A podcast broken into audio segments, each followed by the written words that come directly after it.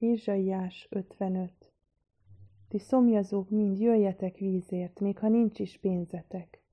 Jöjjetek, vegyetek és egyetek. Jöjjetek, vegyetek bort és tejet, nem pénzért és nem fizetségért. Minek adnátok pénzt azért, ami nem kenyér, keresményeteket azért, amivel nem lehet jól lakni. Hallgassatok csak rám, és jó ételt fogtok enni.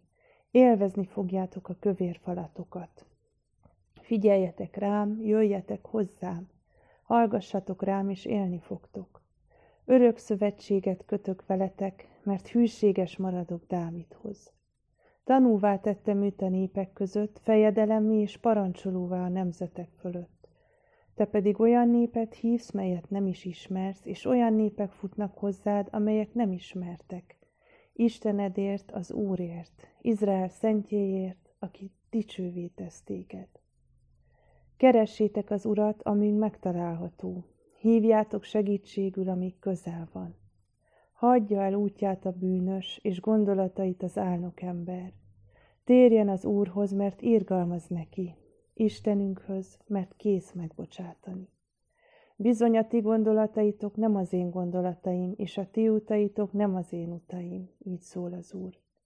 Mert amennyivel magasabb az ég a földnél, Annyival magasabbak az én utaim a ti utaitoknál, és az én gondolataim a ti gondolataitoknál.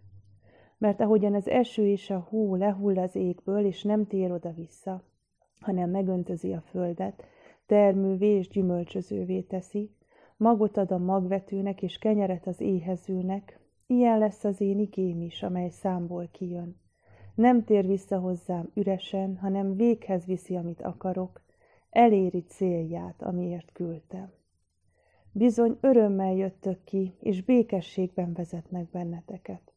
A hegyek és a halmok vígan újonganak előttetek, és a mezőfái mind tapsolnak.